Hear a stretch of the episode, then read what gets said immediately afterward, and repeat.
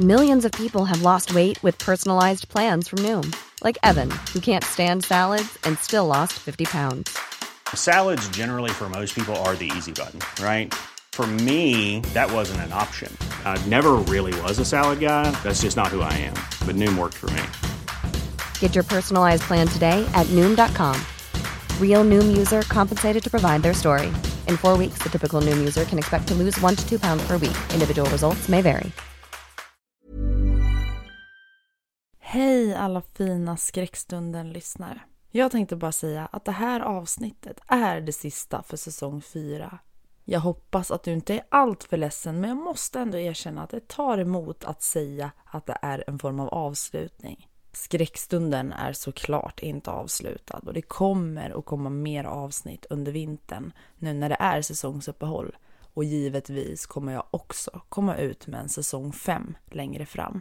För att du ska kunna veta när säsongen drar igång igen så rekommenderar jag att du följer mig på Instagram och på Facebook i gruppen Skräckstunden Eftersnack.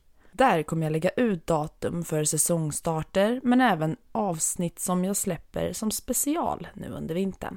Det här skräckstunden avsnittet och avslutningsavsnittet, det är lite längre än normalt, men det är också ett avsnitt som tidigare har varit exklusivt för betalande medlemmar. Därför så pratar jag här innan idag, men jag kommer antagligen att säga någonting stil med att det är ett exklusivt avsnitt. Men då vet ni att det handlar bara om att det här avsnittet som idag jag har valt att göra som säsongsavslutning är ett avsnitt som tidigare bara har varit för exklusiva medlemmar. Det är snart jul och därför vill jag också passa på att uppmana dig till att gå in på Instagram. Jag har just nu en tävling där tillsammans med förlaget Nikotext som gör bland annat sällskapsspel. Sällskapsspel är ju väldigt dyrt att köpa. Och just nu så tävlar jag ut tre stycken olika sällskapsspel ifrån Nikotext. Så gå in på min Instagram för att vara med i tävlingen. Länk till min Instagram finns i avsnittsbeskrivningen under avsnittet. Så missa inte chansen där du kan vinna tre sällskapsspel som är jättepassande nu till jul när man träffar familj och släkt. Jag hoppas att ni tycker om finalen av säsong 4. Sätt dig till rätta. Nu kör vi igång säsong 4s sista avsnitt. Välkommen tillbaka till skräckstunden. Skräckstunden.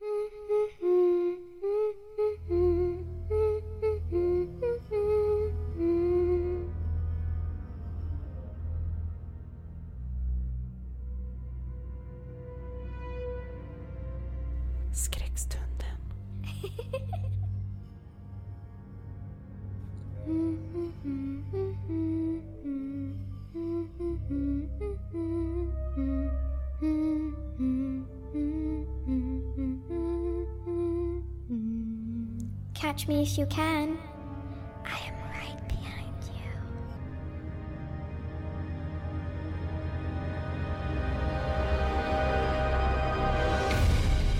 Skräckstunden. Hej och välkommen tillbaka till Skräckstunden. I dagens exklusiva avsnitt ska jag berätta spökhistorier för er.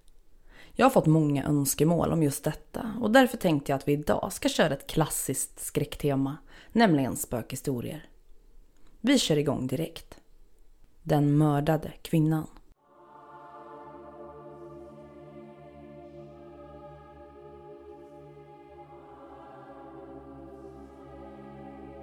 Det var en kväll strax före jul. Det var kallt och ruskigt och vi beslöt oss att lägga oss tidigt. Men innan vi hann stänga dörren för natten kom en man och knackade och steg in utan att bry sig att vi fanns där. Det var en bonde som bodde en halv mil ifrån byn i en ensligt liggande gård. Han ville nu be moster komma och svepa hans hustru som dött efter två dagars sjukdom. Ingen läkare fanns i byn på den tiden. Då var det att ha döda hemma i flera dagar tills bysnickaren hade hunnit göra kistan. Han hade under dagen ordnat om detta och bad nu moster att hon skulle komma och vara där en dag förrän hon skulle svepas så hon kunde se om djuren. Han skulle då fara till en by och skaffa en hushållerska. Inga barn hade de. En flicka hade dött men hon hade en tioårig pojke som socknen ackorderade bort. På den tiden såldes föräldralösa barn och orkeslösa gamla på auktion till lägstbjudande. Moster tyckte synd om gossen som var ensam med den döda så det ordnades så att både moster och jag följde honom hem på kvällen.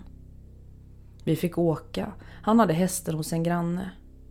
Hur så kusligt jag tyckte det var på den gården. Men genom den gråtande tioåringens glädje över att vi kommit så glömde jag allt annat. Han talade om hur rädd han hade varit sen det blev mörkt. Den natten sov vi ostörda och följande dag reste mannen och skulle vara borta till följande dag. Den natten så blev vi ensamma. Efter mosters kvällsbön gick vi till sängs. Men på den öppna spisen brann en stockvedsbrasa som upplös hela stugan. Jag vaknade vid att klockan slog ett och det var då halvskymning i stugan. Men vid skenet från den öppna spisen såg jag en kvinna. En kvinna som stod vid fönstret, böjd över en koffert som hon öppnade och tog upp en flaska ur. Sen gick hon tvärs över golvet till spisen, lyfte flaskan mot skenet och tycktes betrakta den noga. Hon vände sig sen mot mosters säng. Jag tittade dit och såg moster sitta i sängen och i samma ögonblick var synen försvunnen vid kammardörren. Jag hörde just moster säga Gå i Herren, Jesu namn. Då var det som förlamningen brutits. Jag rusade upp till mosters säng och skrek, men moster lugnade mig, steg upp och läste något ur bibeln. Sen gick vi till sängs igen. Jag vågade inte somna mer den natten. Jag var för uppskrämd och moster sa strängt till mig att vara tyst om saken. Hon skulle prata med prästen först. Vi var tvungna att ligga där en natt till innan moster kunde svepa henne. Men då såg vi ingenting. Moster sa Jag har bett till Gud att vi ska slippa se denna syn. Och trygg av detta så somnade jag gott och sov hela natten. Moster ordnade så att genom den gamla pastorn blev förhör med mannen angående hustruns död. Men den tidens sena rättvisa gjorde inte mycket åt saken när han nekade. Han fick aldrig ha någon hushållerska. Det sades att kvinnan vi sett fortfarande hälsade på i gården. Mannen blev mer och mer underlig. Inget folk ville stanna på gården och pojken togs om hand av andra. Till slut var han tvungen att sälja gården. Han köpte en liten stuga och flyttade dit. Men ensamheten och samvetskvalen blev nog honom övermäktiga och en dag fann man honom död i skogen. Bössan låg bredvid och det troddes då att han själv hade tagit sitt liv. I hans stuga fann man ett brev där han erkände att han hade tagit livet av båda sina hustrur med arsenik. Skrinet med arsenikflaskan fanns också kvar.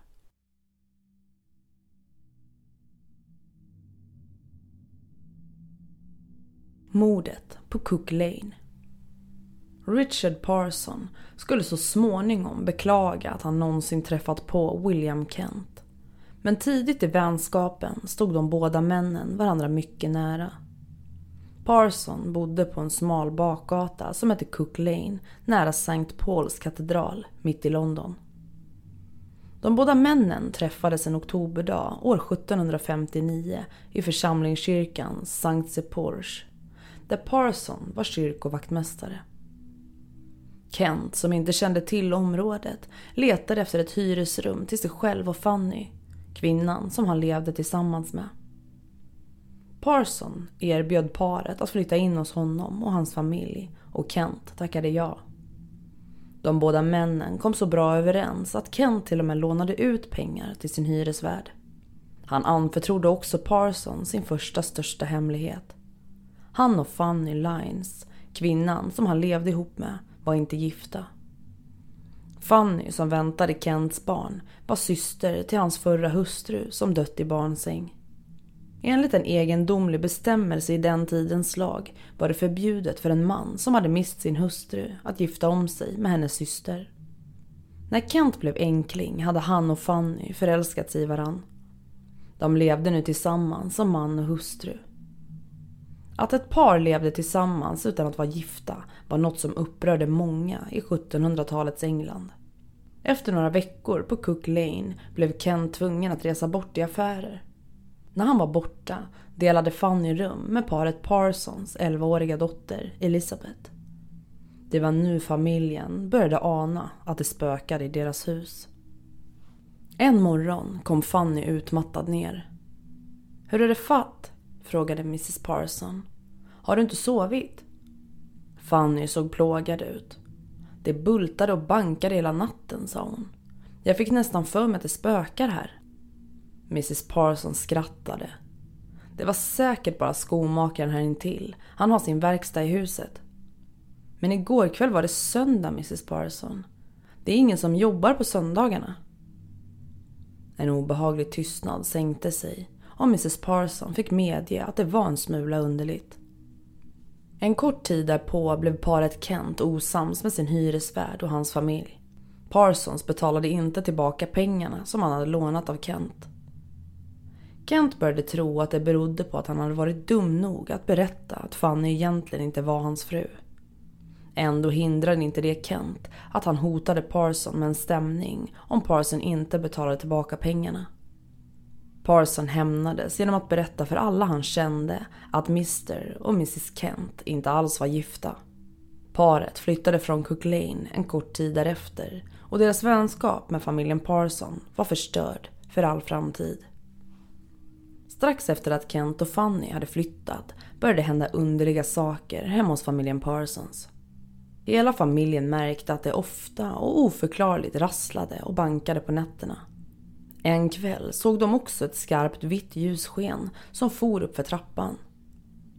En vän som var på besök sa att skenet var så starkt att det kunnat lysa upp en kyrkklocka på andra sidan gatan.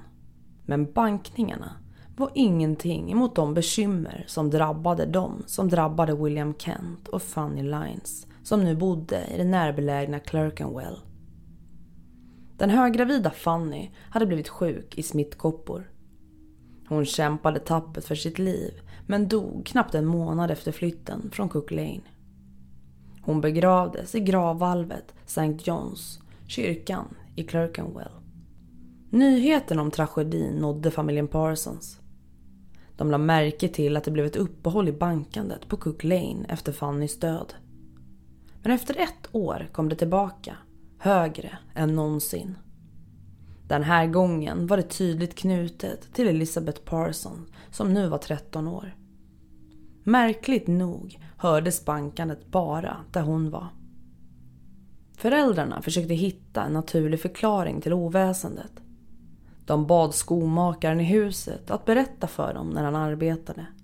De anlitade en snickare för att ta ner väggpanelen i Elisabeths rum och kontrollera om råttor eller något annat fanns gömt bakom den. Snickaren hittade ingenting och paret Parson började motvilligt tänka att oväsendet måste vara övernaturligt. Kanske kunde en präst hjälpa till. Parsons tog kontakt med kyrkoheden John Moore som var en ansedd person i området. Han besökte huset och blev snabbt övertygad om att det fanns en ande som knackade. Han tilltalade anden som att den fanns i rummet framför honom och föreslog att de skulle samtala. En knackning betyder ja och två knackningar betyder nej, förklarade han. Med hjälp av den här mödosamma metoden gjorde den knackande anden häpnadsväckande avslöjanden. Kyrkoheden Moore fick veta att det var Funny Lines ande och att den ville att alla skulle få veta att hon hade blivit mördad. Parson som kom in i rummet lyssnade storögt till Funny Lines tragiska berättelse. Genom att spekulera och gissa kom de båda männen fram till att William Kent hade dödat Fanny genom att lägga arsenik i ett glas med kryddat öl. En dryck som var populär medicin vid den här tiden. Man trodde att arsenik var ett perfekt gift vid mord eftersom den var svår att spåra i kroppen. Moore och Parson fick också fram att Fanny trodde att Kent hade dödat henne för att kunna lägga beslag på hennes besparingar och för att slippa försörja det barn som hon väntade. London på 1700-talet var en livlig stad med kaffehus och värdshus och rykten spreds med vindens fart genom gator och gränder där det myllrade av människor. Det dröjde inte länge förrän historien om anden och mordanklagelsen publicerades i en lokaltidning. Någon visade artikeln för William Kent.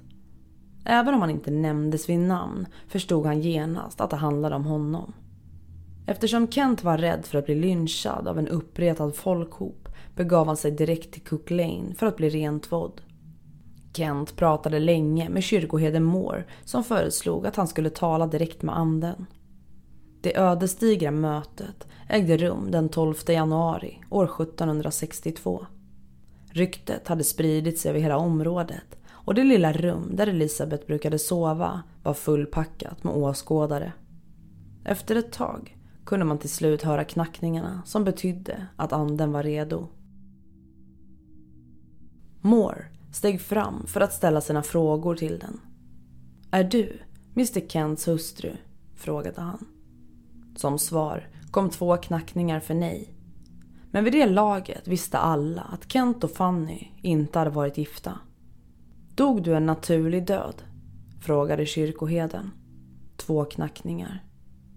Ett upphetsat sorl spred sig i hela rummet och Moore fick höja handen för att tysta åskådarna. Blev du förgiftad? frågade kyrkoheden. Och en knackning kom, vilket betydde ja. Var det någon annan än Mr Kent som förgiftade dig? undrade Moore. Två knackningar. Kent kunde känna snaran som drogs åt runt hans hals. Han var vidskeplig och okunnig som alla andra i rummet och tvivlade inte på att han hade med en verklig ande att göra. Nu rådde upprorsstämning i rummet och han kände genast att han var mycket illa ute. Särskilt när en åskådare ropade en annan fråga. Kommer Mr Kent bli hängd för mord? En knackning. Detta var mer än Kent kunde tåla och han blev ursinnig. Den här anden är en simpel lögnare, röt han. Eller så tror den att jag är någon annan herre. Jag skulle aldrig ha kunnat mörda min älskade Fanny. Jag är förbluffad över att ni utsätter mig för den här förödmjukelsen när jag fortfarande sörjer min döda hustru och barnet hon väntade. Kent vände på klacken och gick. Folk hade blivit så häpna över hans ilskna utbrott att det beredde väg för honom så att han kunde komma ut. Nyheten om hur spöket hade anklagat Kent för mord gjorde Cook Lane till Londons stora samtalsämne. Under de dagar som följde var Elisabeths rum sprängfyllt med åskådare som hoppades på nya avslöjanden. Det kom så många människor till huset att gatan ofta blockerades av nyfikna. Richard Parson menade att kaoset varken var bra för hans hem eller familj. Så Elisabeth fick flytta till ett större hus i närheten. Knackandet flyttade som väntat med henne och det gjorde även folkmassan. Vid det här laget hade till och med förnäma societetspersoner som hertigen av York, kungens bror, sökt upp Elisabeth Parson och det kusliga knackandet som hon tycktes dra till sig. Efter elva dagars tilltagande kaos förstod Londons borgmästare att något behövde göras. Någonting behövde göras nu för att lugna folkmassan. I hopp om att finna en naturlig förklaring till fenomenet meddelade han att saken skulle utredas av en kommitté bestående av framstående män. Bland den fanns Dr Samuel Johnson, författaren till den första engelska ordboken som gick med på att sammanställa den officiella rapporten. Kommittén påbörjade sin utredning den 1 februari år 1762. För familjen Parson innebar detta en katastrof. När anden ställdes inför en kritisk publik bestående av lärda män vägrade den bestämt att infinna sig. Kommittén ville pröva tidigare uttalanden som anden påstod sig gjort om att den skulle banka på Fanny Lines kista. Någon gång efter midnatt den 2 februari fördes Elizabeth Parson till kryptan i St. Johns där hon fick ställa sig framför Fannys kista. En förväntansfull tystnad föll, men ingenting hände. Johnson och de andra i kommittén drog allt mer slutsatsen att den uppjagade Elizabeth hade iscensatt alla spökerierna. Men detta var inte slutet på historien. Under de följande dagarna lär det ha knackat högre än någonsin. Man flyttade Elisabeth från hus till hus och överallt påstod folk att det hade inträffat underliga händelser. På ett ställe sa man att en lös gardinring hade snurrat runt gardinstången. Det hade också knackat så häftigt att de andra som bodde i huset hade blivit rädda och bett henne flytta och inte komma tillbaka. Till slut beslöt en ny utredningskommitté att lösa problemet genom att hålla Elisabeth under sträng bevakning. Hon fördes till ett hus i Covent Garden där en husa hela natten sov i hennes säng och höll i hennes armar och ben. Ändå fortsatte det att knacka. Under de följande nätterna placerade man Elisabeth i en hängkoj med armar och ben bundna. Och den här gången tystnade anden. Nästa natt blev Elisabeth utsatt för ett uppenbart fultrick av kommittén. Hon blev inte bunden men fick istället veta att om man inte hörde några knackningar skulle man sätta henne och hennes föräldrar i fängelse. Sen lämnade man henne ensam. Kommitténs medlemmar hade låtit borra ett hål i väggen så att man kunde bevaka flickan noga hela natten. Efter några timmar såg en medlem att hon smög från sängen till den öppna spisen. Där hämtade hon ett vedträ och tog med sig tillbaka till sängen. Sen hörde man henne knacka på det. Alla som befann sig i huset och hört de tidigare knackningarna var överens om att det här ljudet lät helt annorlunda. Trots det användes Elisabeths patetiska försök att hindra kommittén från att kasta familjen i fängelse som ett bindande bevis för att alla de underliga händelserna hade varit en bluff. Myndigheterna ansåg att det var Elisabeths föräldrar som låg bakom spektaklet. De ställdes inför rätta och befann sig skyldiga och hamnade i fängelse. Som ett ytterligare straff blev Richard Parson dömd att stå vid skampålen tre gånger. Detta var en träpåle där en brottsling kedjades fast så förbipasserande kunde kasta stenar eller ruttna grönsaker på honom. Domstolen ansåg också att kyrkoherden Moore hade varit Parsons medbrottsling. Han fick inget fängelsestraff men blev istället dömd att betala en stor summa pengar i skadestånd till William Kent. Kent blev förstås nöjd och vid det här laget hade han gift om sig och blivit en framgångsrik börsmäklare.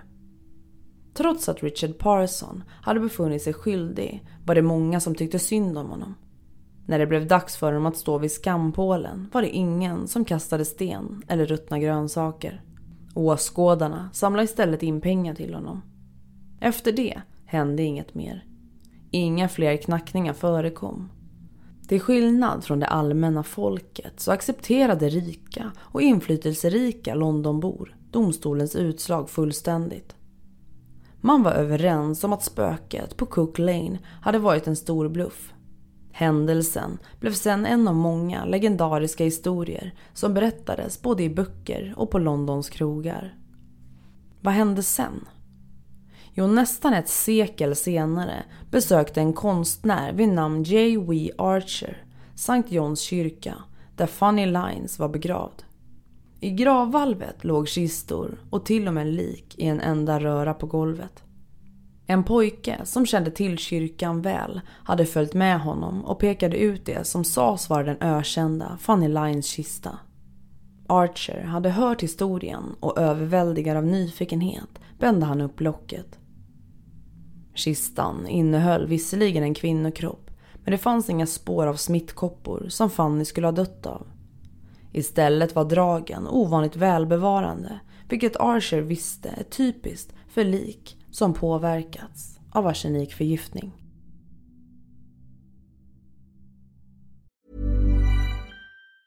Have catch yourself eating the same flavorless dinner three days in a row?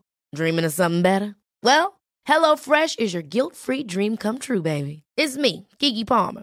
Let's wake up those taste buds with hot, juicy pecan crusted chicken or garlic butter shrimp scampi. Mm. Hello Fresh. Stop dreaming of all the delicious possibilities and dig in at HelloFresh.com. Let's get this dinner party started. If you thought the only way to get a more defined jawline with natural looking results was through surgery, think again. Juvederm Volux XC is a non surgical injectable gel filler that improves moderate to severe loss of jawline definition and can help you achieve natural looking results with little downtime. Even better, this improved definition lasts up to one year with optimal treatment. No maintenance required. Improve jawline definition for a smooth, sculpted look with Juvederm Volux XC. For important safety information and to find a licensed specialist, visit juvederm.com. That's J U V E D E R M.com. Not for people with severe allergic reactions, allergies to lidocaine, or the proteins used in Juvederm. Common side effects include injection site redness, swelling, pain, tenderness, firmness, lumps, bumps, bruising, discoloration, or itching. There's a risk of unintentional injection into a blood vessel, which can cause vision abnormalities, blindness, stroke, temporary scabs, or scarring. Talk to a licensed specialist to find out if it's right for you.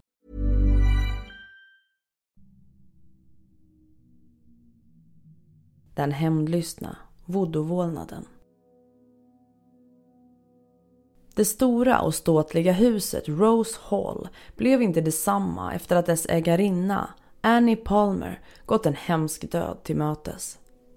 Månaderna efter mordet på henne kom gäster på besök till de efterlevande medlemmarna av familjen i det storslagna huset på Jamaica för att beklaga sorgen.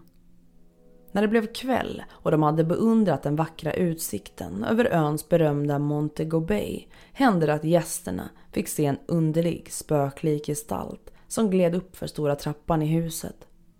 Skepnaden såg märkligt bekant ut. Hade den inte välkomnat dem på vägen till huset och vinkat åt dem att komma in? Sen på natten när gästerna sov tryggt och skönt mellan svala bomullslakan kunde de plötsligt bli nerkastade från sina sängar.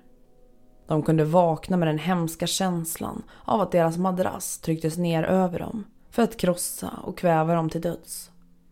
Detta påminde mycket om Annie Palmers egen fasansfulla död. År 1800 hade Rose Hall varit Jamaicas finaste adress. Det storslagna huset, byggt i samma stil som en engelsk terresäte, var den förmögna Palmers bostad. Familjen Palmer var plantageägare som hade gjort sig en förmögenhet genom att utnyttja slavar, vilka fick slita i den karibiska heta solen med att hugga sockerrör på den vidsträckta plantagen. Med hjälp av de enorma vinsterna från sockerodlingen kunde familjen Palmer inreda Rose Hall i praktfull stil och utrusta huset med all lyx som fanns på den tiden. Det var här, i skenet av flammande facklor, som Jamaicas förmögna elit träffades på fantastiska baler och banketter. Herrar i pudrade peruker och damer i rikt broderade klänningar kunde dansa till gryningen och njuta av överdådiga måltider vid matsalsbord som glittrade av silver. Överallt omkring den fanns tecken på familjen Palmers otroliga förmögenhet. Huset var smyckat med handgjorda sniderier, utsnirade stuckaturer och praktfulla målningar. Men allt det här skulle förändras. Vid mitten av 1800-talet skulle den forna prakten på Rose Hall vara på väg att vittra sönder. Tropisk växtlighet hade fått den ståtliga uppfartsvägen till huset att växa igen och kvävde de en gång välskötta blomsterrabatterna. Ogräs och mossa växte i sprickorna på den pelarförsedda terrassen och fladdermöss och paddor gjorde sig hemmastadda i rummen där paren en gång dansade. Om besökarna frågade varför huset fått förfalla fick de veta att det berodde på en kvinna. Den onda Annie Palmer. Detta var utan tvivel sant. Upprinnelsen till husets förfall var John Rose Palmers beslut att gifta sig med Annie. En hetlevrad irländsk flicka som hade vuxit upp på den närbelägna ön Haiti. John var familjen Palmers överhuvud så hans nyblivna brud blev härskarinna på Rose Hall. Hon var bara 18 år gammal. Annie var liten och nätt och vacker men hon hade en skarp tunga och kunde bli ursinnig om hon inte fick som hon ville. Nästan direkt efter att hon hade flyttat till Rose Hall blev hon fruktad och hatad av tjänstefolket som ständigt skvallrade om hennes förfärliga uppförande. Ett rykte om henne spreds som en löpeld bland tjänarna. Det sades att när hon var barn hade hennes haitiska barnsköterska lärt henne voodoo, den hemliga och hotfulla religionen på Haiti som förknippas med svart magi. Men det skvallret var ingenting emot det som viskades när John Palmer gick bort, bara månader efter giftermålet. Officiellt hette det att John hade dött efter att ha ätit giftiga skaldjur. Men på natten när han dog hade tjänarna hört ett förfärligt gräl mellan John och Annie. Båda hade varit rasande och en husa hade snappat upp att John anklagade Annie för att ha tagit en stilig slav till älskare. Han sa till henne att äktenskapet var över och att hon skulle lämna Rose Hall nästa morgon. Men nästa morgon kom och gick. Annie hade som vanligt kommit ner för att äta frukost. Men hon verkade något dämpad och sa till tjänarna att hennes man var sjuk och ville vara i fred. På kvällen hade en tjänare gått till John Palmers rum och funnit sin husbonde död och kall. Hans ansikte var förvridet i plågor. Tjänarna i huset fastslog att Annie måste ha förgiftat honom. Men läkaren som tillkallades för att undersöka John var säker på att dödsorsaken var skaldjuren han ätit kvällen före. Hade Annie kanske använt ett hemligt voodoo-recept för att förgifta John? Hur som helst så hade hon sopat igen spåren väl. Under de följande dagarna spreds mer skvaller från plantagen. Det kom fram att en av slavarna verkligen hade haft ett förhållande med Annie. Det viskades till och med att han hade hjälpt till att mörda John Palmer genom att kväva honom med en kudde när han låg och jämrade sig i sin säng, plågad av giftet som han hade fått i sig. När Annie gav order om att samma slav skulle piskas till döds för en bagatellartad förseelse som bara hon själv bevittnat spädde det på skvallret. Det såg ut som att Annie hade bestämt sig för att göra sig av med det enda vittnet till mordet på hennes man. Ingen skulle någonsin kunna anklaga henne för hans död. När nu maken var död och begraven hade Annie Palmer blivit ensam härskarinna på Rose Hall och mycket förmögen. Hon hade vänner på högsta nivå i det jamaicanska samhället och ingen på Rose Hall vågade någonsin öppet uttala sina misstankar om att Annie skulle ha mördat sin man. Hon kom att gifta sig ytterligare två gånger och i båda fallen skulle makarna dö misstänkt unga och oväntat. Återigen var tjänarna övertygade om att männen blivit ratade när Annie tröttnat på dem. Men liksom tidigare kunde man inte bevisa något och det verkade som att ingen kunde nämna farhågorna för polisen. Tjänarna på Rose Hall fick stå ut med många av Annies tyranniska nycker och infall. Men det var slavarna på plantagen som fick lida mest. Annie kunde ibland plocka en stilig slav från fälten och ta honom som älskare. Men efter ett tag så tröttnade hon och då brukade slaven bara försvinna. Kvinnliga slavar som Annie ogillade blev slagna med en träkäpp till deras ryggar blödde. Ibland kunde hon galoppera runt på plantagen med en piska och skoningslöst prygla de slavar som kom i hennes väg. Någon gång under 1833 rubbades den ömtåliga balansen mellan fruktan och hat till Annis nackdel. En slav som hon piskade i huset tappade till slut behärskningen. I desperation vände han sig om och grep tag om Annis strupe. Andra slavar i närheten hörde hennes dämpande rop på hjälp. Men istället för att rädda sin grymma matmor hjälpte de till att ta död på henne. Slavarna på Rose Hall hade lärt sig en del knep under sin tid på plantagen. De visste att om Annie blev mördad skulle en syndabock pekas ut och hängas. Alltså måste mordet utföras på ett listigt sätt så att man inte skulle finna någonting till bevis. Annie Palmers sista stund kom när hon kvävdes till döds, nedtryckt under en madrass. Hennes kropp lades försiktigt ner på golvet. Läkaren som undersökte Annie kunde inte hitta några märken på hennes kropp som tydde på att hon hade blivit överfallen och trodde därför att hon hade fått ett typ av slaganfall. Annie var så hatad att ingen på Rose Hall ville anordna en begravning. Och trots att många visste att hon hade blivit mördad var det ingen som berättade för polisen vad som hänt. Till slut anordnade några andra plantageägare med begravningen och Annie fick sin grav på Rose Halls väldiga ägor. Det var inte långt efter det här som man började höra märkliga historier om Rose Hall. De historier som berättades oftast och var mest fasansfulla handlade om besökare på plantagen som hade kusligt realistiska mardrömmar om att de kvävdes under en madrass. Fast familjen Palmer fortsatte att driva plantagen var det ingen av familjemedlemmarna som ville bo på Rose Hall. Naturen fick ha sin gång. Ägorna växte igen och tegelpannor föll ner från taket. Huset plundrades på möbler och inventarier och mögel spred sig över sovrumsväggarna. Ju längre tiden gick, desto mer förföll Rose Hall. Trots det anställde familjen Palmer en förvaltare som skulle skydda det en gång storslagna huset. Men när han hittades död nedanför källartrappan viskade folk att det inte har varit en olycka. De var säkra på att han hade fallit och slagit ihjäl sig när han flydde i panik från Annie Palmers vålnad. I nästan hundra år stod det enorma Rose Hall helt övergivet.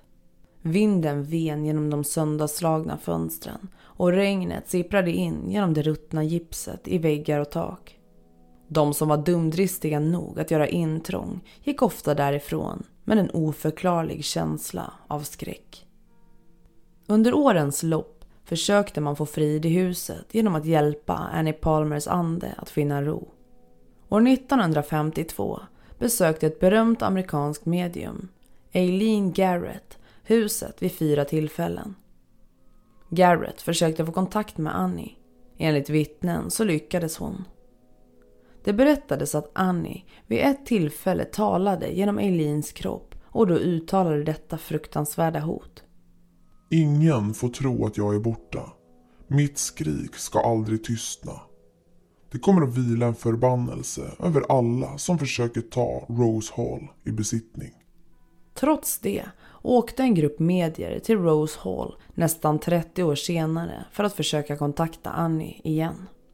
Omkring 8000 sensationslystna turister och ortsbor följde med för att se dem i arbete. Den här gången verkade Annie vara på bättre humör. Ett medium berättade att anden hade gett henne ett budskap som ledde gruppen till ett stort termitbo bakom huset. Här hittade man en gammal mässingsvas som innehöll en docka i pappersklänning av en typ som användes i voodoo-ceremonier.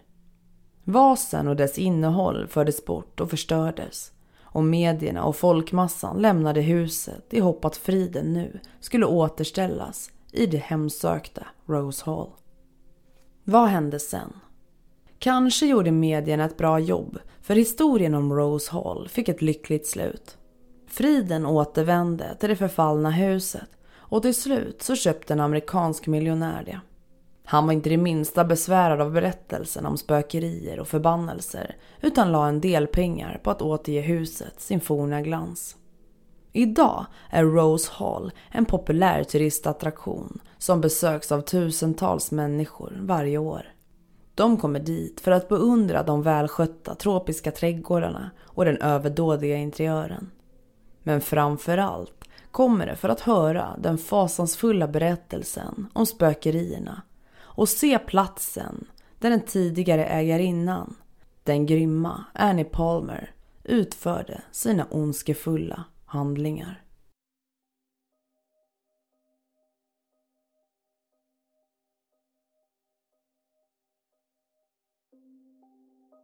Det konstigaste säkerhetsbandet jag någonsin sett.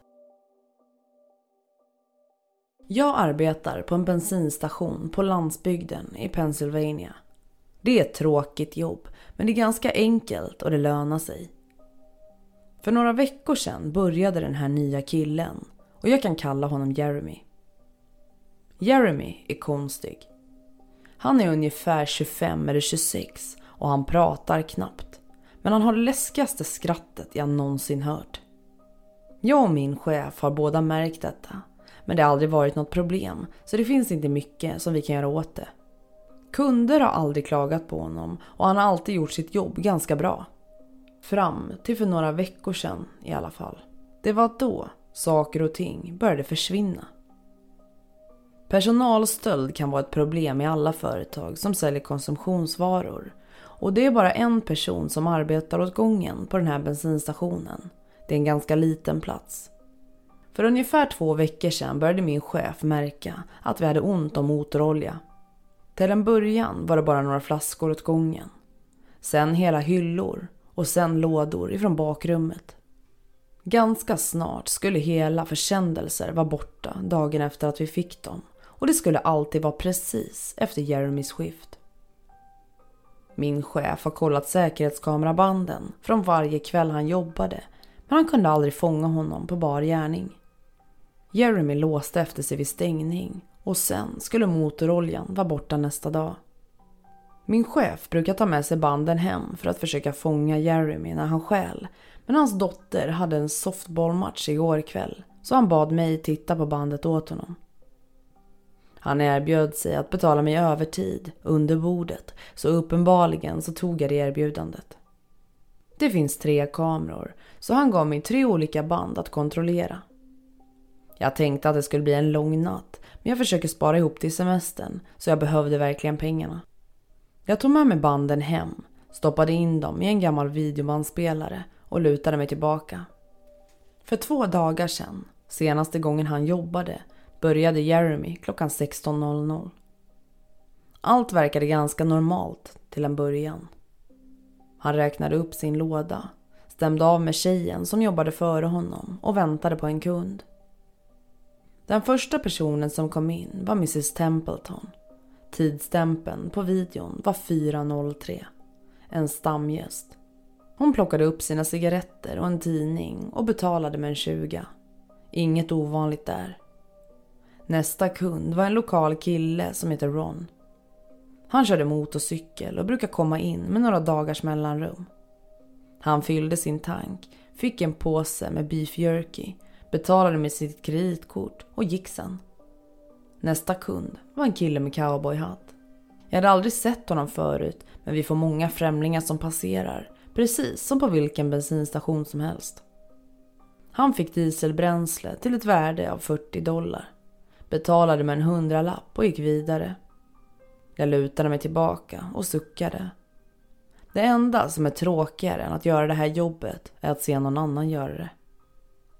Min chefs erbjudande räckte ju dock för att jag skulle titta, så jag lämnade bandet på.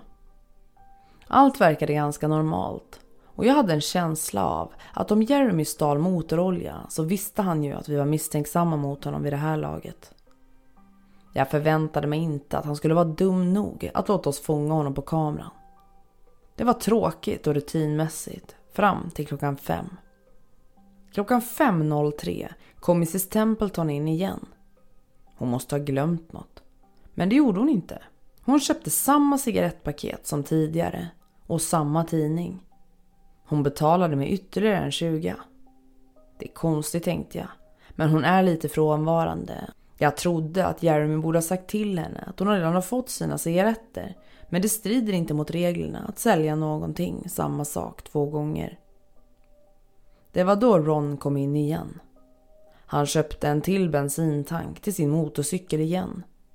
Jag kollade senare utomhuskameran eftersom jag trodde att han kanske hade en annan bil som han ville följa på. Och samma paket med beef jerky. Han betalade med sitt kreditkort igen. Ingen stor grej. Jag tänkte här att det bara var en konstig slump.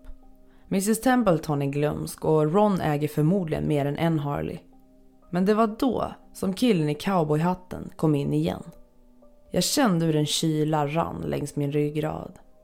Få inte diesel, skaffa inte diesel, kom jag på mig själv att viska till mitt tomma vardagsrum. Men det gjorde han. Han fick dieselbränsle för 40 dollar och betalade med ytterligare en hundralapp. Varje rörelse han gjorde var identisk med hans första besök. Ända ner till hur han kliade sig på näsan innan han gick ut. Antingen är den här killen rik, äger många lastbilar och precis flyttat in till stan. Eller så hände något riktigt bisarrt. Jag fortsatte titta. Varje kund under den kommande timmen var densamma som tidigare. Varenda en. Jag blev allvarligt förbannad och klockan 06.03 gick Mrs Templeton in igen. Hon köpte sina cigaretter och tidningar igen och betalade med en 20 igen. Jag trodde att jag skulle tappa det alltså. Jag tittade bara en halvtimme till innan jag började snabbspola igenom resten. Och det var likadant. Varje kund skulle komma in vid exakt samma tider med exakt en timmes mellanrum. Nu vet jag vad du tänker. Den där lömska jäveln Jeremy hade bråkat med banden. Han hade kört en slinga av sin första affärstimme om och om igen. Men så var inte fallet. Det finns fönster runt kassområdet som kameran täcker och jag såg solljuset blekna när tiden gick. Jeremys rutin gick inte över. Han sopade, torkade, fyllde på och gjorde alla sina plikter precis som du förväntade dig. Men samma kunder fortsatte att komma in. Jag fick panik för det här laget. Någonting var allvarligt fel med det jag såg och jag hade ingen förklaring till det. Jag hoppade fram till när han låste och gick ut i sin bil. Han hade inte stulit någonting. Men jag fortsatte att titta bara för att vara säker. Jag snabbspolade en sista gång till ungefär midnatt. Exakt klockan 12.03 från ingenstans dyker Jeremys ansikte upp på kameran. Jag menar inte att han rörde huvudet i synen. Jag menar att ena sekunden var butiken tom och nästa sekund var hans ansikte allt jag kunde se. Han tittade inte på kameran. Han tittade på mig. Jag var säker på det. Jag skrek och fumlade efter fjärrkontrollen och när jag tog tag i den var han borta. Precis så fort hade han gått. En ram var han där, nästa var han inte. Mina händer darrade som en galning men jag satte in ett annat band. Den andra inomhuskameran visar baksidan vid kassan och jag skulle nu kunna se hur han reste sig för att stoppa in ansiktet i kameran sådär. Jag hoppade fram till 12.03 men det var ingenting. Jag skulle ha kunnat se honom stå på en stol eller något på det här bandet men han var inte där. Jag kunde inte se honom gå in i butiken överhuvudtaget efter att han gick. Det är som att han inte riktigt var där. Han känner inte till säkerhetskoden och inga larm utlöstes den natten efter att han hade låst. Vad jag dock såg var att klockan 12.03 försvann motoroljan från hyllan. Allt av det. Samma som Jeremys ansikte. Ena sekunden var det där och nästa var det inte. Jag stängde av bandet och gick och la mig. Men jag fick inte en blink av sömn. Min kropp är utmattad just nu, men mitt sinne rasar. Det här bandet var utan tvekan det läskigaste och mest störande jag någonsin har sett i hela mitt liv. Jag jobbar om några timmar. Min chef bad mig ta tillbaka banden och berätta vad jag hittade. Men vad fan ska jag säga? Jeremy jobbar nattpass ikväll, direkt efter mig. Och planen är att min chef ska komma in precis innan jag går och konfrontera honom med mig. Eftersom jag ska vara den som tog honom när han stal. Jag har ingen aning om vad jag ska göra. Jag antar att jag måste visa min chef banden, men jag vill inte se dem med honom. Jag vill aldrig se något sånt igen överhuvudtaget. Jag kan inte få bilden av Jeremy som bara ler direkt in i kameran ur mig. Det var den läskigaste blick jag någonsin sett i en annan människas ansikte. Hur som helst, jag ska försöka igen att få lite sista minutens sömn innan jag måste gå in och ta itu med det här. Jag lovar att uppdatera er om vad som händer. Uppdatering klockan 14.49. Jag uppdaterar ifrån min telefon. Jag ber om ursäkt på förhand för fel. Min chef har precis tittat klart på det sista av banden. Jag sa till honom vad han skulle förvänta sig, men man kan verkligen inte förbereda någon på något sånt här. Han är skiträdd. Det är jag fortfarande också. Och Jeremy ska komma in klockan fyra. Vi har lite över en timme på oss nu att få ihop vårt skit. Men ingen av oss vet vad vi ska säga till honom. Är han bara en jävla kille som gillar att stjäla motorolja och skrämma skiten ur folk? Eller är han något annat? Jag vet inte om det här är galet men är det någon som tror att han kan ha något med tidsslingan att göra? Min chef sa att han aldrig märkte något sånt i de andra banden. Men sättet han dök upp i den där får mig att tro att han visste att jag skulle titta. Det är som att han ville att jag skulle se vad han kunde göra. Som att han visade upp sig eller något. Sättet han låg in i kameran på var som ett litet barn som visade dig ett sandslott som de precis byggt eller något. Jag vet inte, jag låter nog galen. Jag känner visst delen. Jag ska prata med min chef lite mer. Vi måste lugna ner oss nu och komma på hur vi ska hantera det här. Jag kommer att uppdatera igen ikväll, men jag har en riktigt dålig känsla för hur det här kommer att utspela sig. Uppdatering 16.33. Inga tecken på Jeremy. Försökte ringa honom, men hans telefon har kopplats bort. Vi ringer polisen. 17.33. Inga tecken på Jeremy. Försökte ringa honom, men hans telefon har kopplats bort. Vi ringer polisen. 18.33, 19.33 och 20.33. Exakt samma uppdatering. Ever catch yourself eating the same flavorless dinner three days in a row? Dreaming of something better? Well, HelloFresh is your guilt-free dream come true, baby. It's me, Gigi Palmer. Let's wake up those taste buds with hot, juicy pecan-crusted chicken or garlic butter shrimp scampi. Mm. Hello Fresh. Stop dreaming of all the delicious possibilities and dig in at HelloFresh.com. Let's get this dinner party started.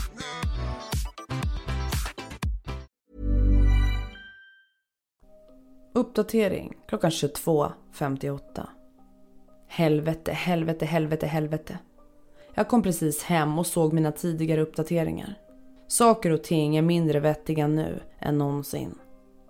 Här är vad jag kan berätta för dig. Jag gick till jobbet. Jeremy dök aldrig upp. Min chef och jag bestämde oss för att ringa polisen, som ni väl vet. Men när jag tog luren för att ringa gick det inte fram. Jag vet inte vad jag tror hände. Jag har tydligen en blackout i exakt fem timmar. För när jag tittade på klockan var den 9.33.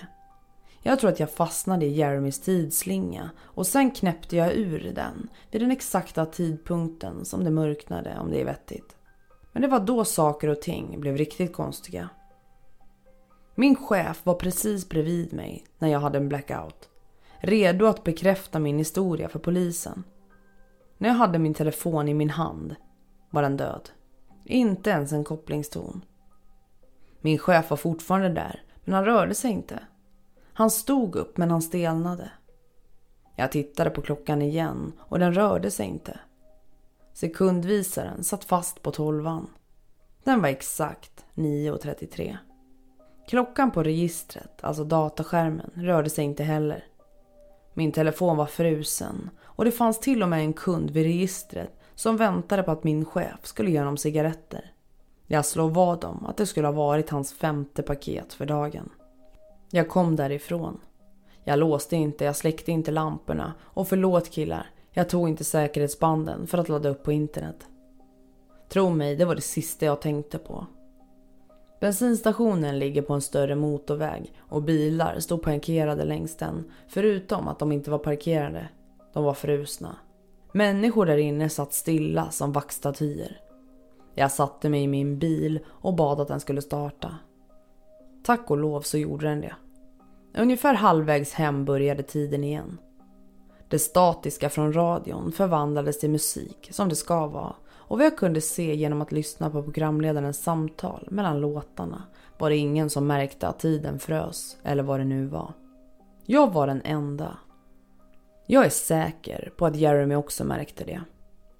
Jag har fortfarande ingen aning om vad han är eller vad han gör. Jag gömmer mig i mitt rum och ringer polisen igen på morgonen. Jag vet inte om jag någonsin hade klarat det tidigare eller om jag gjorde det. Eller om de tog mig på allvar. Jag är rädd för mitt liv i det här laget och jag uppdaterar imorgon om jag kan. Slutlig uppdatering 10.33. Jag somnade äntligen igår kväll runt klockan fyra. Jag har ingen aning om hur jag gjorde det. Jag antar att utmattning äntligen fick det bästa av mig. I morse vaknade jag av att min telefon ringde och det var min chef. Han hade ringt mig sedan ungefär klockan sex. Han vaknade när tiden vände tillbaka till natt och ringde omedelbart polisen. De kom förbi för att se vad som var fel och han berättade allt för dem. Polisen här omkring är alla småkillar. De var mer bekymrade över den saknade motoroljan än någonting annat. Men min chef trodde att han skulle ta det, så länge han hade deras uppmärksamhet. De bestämde sig för att leta efter Jeremy. Vi sparar alla våra anställdas ansökningar och eftersom Jeremy precis börjat arbeta här var hans lätt att hitta. De kollade adressen på den och gick över till hans hus. Du kommer inte tro vad de hittade. Adressen som Jeremy angav i sin ansökan var en tom tomt. Eller så är det i alla fall nu. Förr fanns det ett hus där, men det brann ner år 1993. Eftersom det var en liten stad minns nästan alla den branden.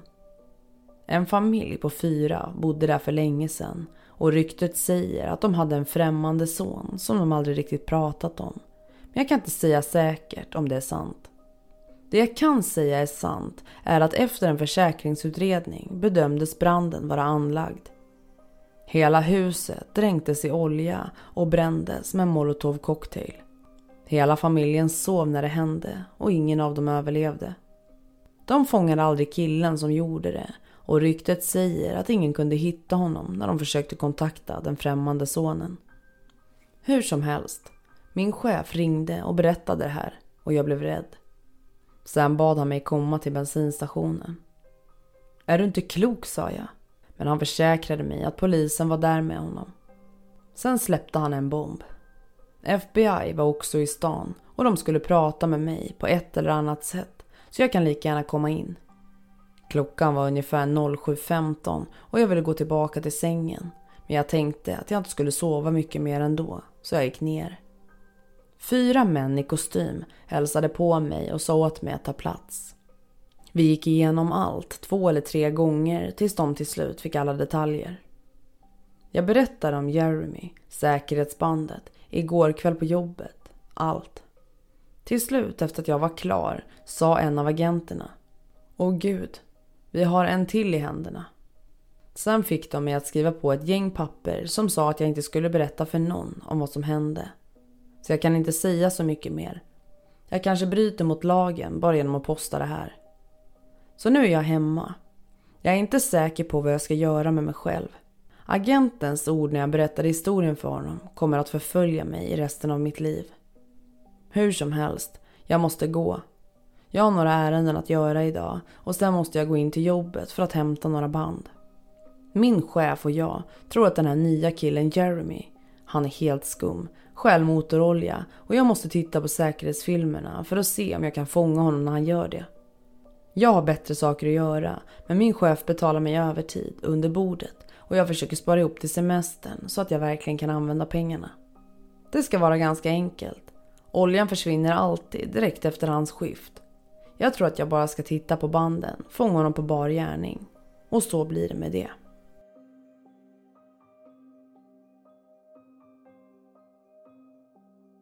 Tack snälla för att du har lyssnat på dagens avsnitt. Och glöm inte, för er som lyssnar på det här, det här är ju ett exklusivt avsnitt för dig som exklusiv medlem. Och för att ni ska kunna ta del av bilder och grejer som jag lägger upp som är relaterade till de här avsnitten på Instagram så behöver ni skriva till mig på DM och berätta att ni vill bli nära vän med mig. Detta kommer innebära att jag kan dela med mig av bilder till er som enbart ni kommer kunna se. Alla länkar till mina sociala medier finns i avsnittsbeskrivningen under avsnittet. Och vill du dela med dig av en historia så skicka gärna ett mail till mig.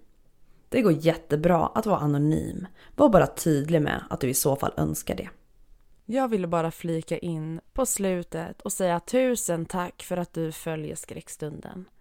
Tack för att du är du och att du varje vecka spenderar din tid med att lyssna på skräckstunden. Jag uppskattar det.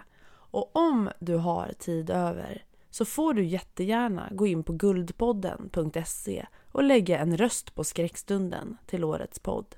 Vi hörs framåt i mina sociala medier. Glöm inte att länkarna finns i beskrivningen. Annars heter jag Skräckstunden överallt. Nu laddar vi upp för ny säsong. Vi hörs snart igen. I dina lurar.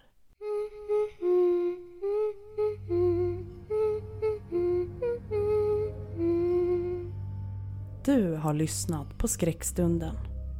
En podcast som får ditt blod att frysa till is.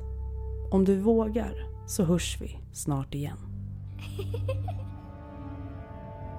Catch me if you can. I am